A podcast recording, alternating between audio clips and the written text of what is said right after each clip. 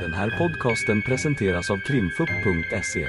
Vi tar med er bakom kulisserna in i rättssalen för en helt unik och öppen lyssning med direkt insyn i svenska rättegångar. Vi vill varna för känsligt innehåll då denna podcastens fokus är brottmål och ljudfiler från verkliga förhör.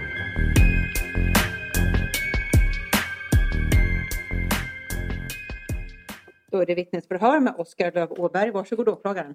Tack. Ja, Oskar, jag har begärt att du ska höras angående iakttagelsetjänst den 8 september på Karolinska sjukhuset i Solna.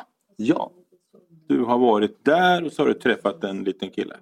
ja, Bland annat. Varsågod och berätta fritt för tingsrätten om dina minnesbilder. Varsågod. ja. Absolut. Ehm, jag var tillsammans med min kollega eh, på Karolinska sjukhuset Eh, i samband med att uh, Yaman skulle kroppsundersökas av rättsläkare. Eh, det var jag, min kollega och uh, Yamans fotbollstränare Marco som var, som var närvarande. I samband med det här så, så är Yaman väldigt upprörd och, och ledsen och berättar mycket om, om händelsen utan att bli, bli tillfrågad egentligen. Han berättar om, om händelsen i, i korta frekvenser. Um, och det Yaman berättar då är att uh, han eh, ombads av sin mamma att uh, sova i samma säng som henne. uh, natten då, den aktuella natten.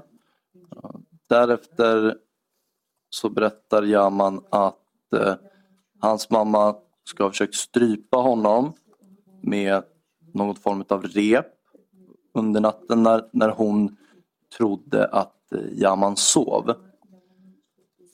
Efter det berättar Yaman att eh, Balzac då, eh, Yamans mamma, gick och dödade hans syster.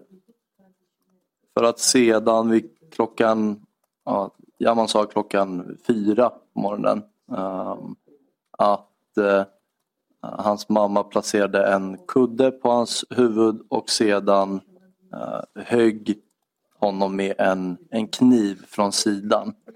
Eh, då eh, ja, Ja- man, han sa att han inte kunde skrika eller någonting utan för att han var ja, väldigt svag eller någonting vad jag kommer ihåg det. Eh, Utöver det så sa han att han var väldigt rädd för både sin mamma och sin pappa.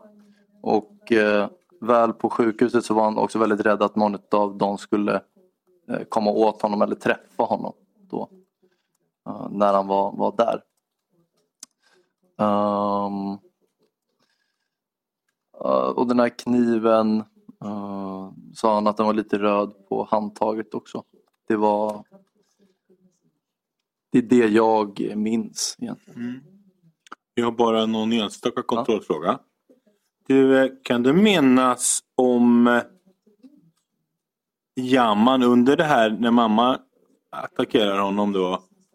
Om han har sagt något till henne? Han har Ja, berättat om det för dig alltså? ja jo, men det sa han. Han, eh, han sa att han skrek, eller sa egentligen snälla döda mig inte. Mm. Sa han. Vid ett tillfälle. Men, men sen så, så som jag uppfattade det så kunde han inte skrika så mycket mer. För han, han sa att han var väldigt, väldigt svag. Mm. Och vad, vad han menar med det vet jag inte. Okej. Då har du berättat om det som jag hade kallat hit för att berätta om. Så jag är nöjd. Tack. Målse- eh, särskild företrädare, varsågod. Ja, tack. Eh, Pratar ni om något mer du och Yaman? Var det, var det no- några frågor han hade och någonting han saknade? Ja, men han, han pratade ehm, han, han frågade egentligen om sin eh, mobiltelefon, om han skulle få tillbaka, få tillbaka den och sen så var det prat om, om någon hund också. Att eh, ja, han undrade egentligen eh, hur, hur det stod till med, med hunden då, och om hunden mådde bra. Mm. Kunde du svara på de frågorna? Eh, Ja, men vi, vi tog reda på det egentligen eh, med hjälp av en, en kollega som var mer insatt i, i ärendet och att eh, hunden var placerad på ett hundstall. Mm. Den informationen fick, fick vi till oss. Fick du någon information från den kollegan eh, om hur hu- hunden mådde? Ja, den mådde bra. Den mådde bra. Ja. Och det var det du kunde säga till Yaman? Det var det ja, Mm. som jag kunde säga. Eh, tack. Tack. Målsägandebiträde. Försvararen. Du sa att han var orolig eller undrade över sin mobiltelefon. Ja, Kommer du ihåg om ni pratade mera om mobiltelefoner i sammanhanget eller var det bara just att han frågade efter sin? Eh, nej, utan vi... eh, han började prata där om, om mobiltelefonerna i, i plural. Eh, och eh, sen så började han prata om, eh, om koderna till mobiltelefonen också. Okej.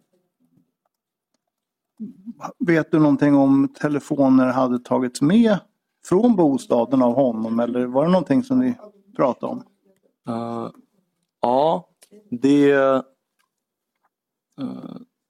om jag, vad jag kan minnas så ska, ska Yaman ha tagit med sig mobiltelefoner. Okej, vet du vilkas telefoner?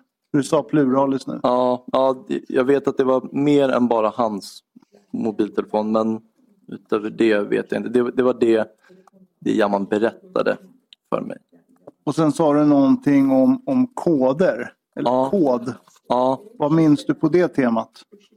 ja, inte mer än att han, eh, han berättade, han var väldigt liksom angelägen att, att informera oss då som, som poliser om, eh, om de här mobiltelefonerna och sin mobiltelefon. Mm, Just det.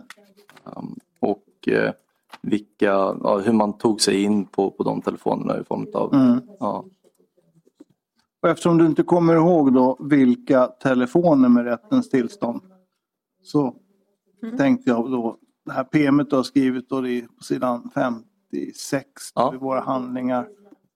Så står det då att eh, Jaman berättar också för patrullen att när han lämnade sin bostad, bostad tog han med sig flera mobiltelefoner. ja, Och sen står det då uppradat Basaks telefon. mm, Sen står det uppradat Durus telefon. Och sen står det uppradat Jamans telefon. mm. När jag läser det verkar det som att det var så det var då. Eh, ja. Kommer I, du... ifall, eh, jag vet att det ehm, och de här mobiltelefonerna som, som du läste upp namnen där, Mm. eh, står det koder kopplat till dem då? Det var nästa fråga. Ja, precis. Om du kommer ihåg om han också då uppgav koderna för de här telefonerna. ja, men det gjorde han. Det gjorde han. Var bland annat då, eller så att han uppgav koden till sin mammas mobiltelefon. Det är din minnesbild. Det är min minnesbild, ja. Tack. Ni har lyssnat på ett avsnitt av Krimfupps podcast. Tipsa gärna oss på krimfupp.se om det är någon speciell rättegång ni skulle vilja höra. Tack för att ni har lyssnat.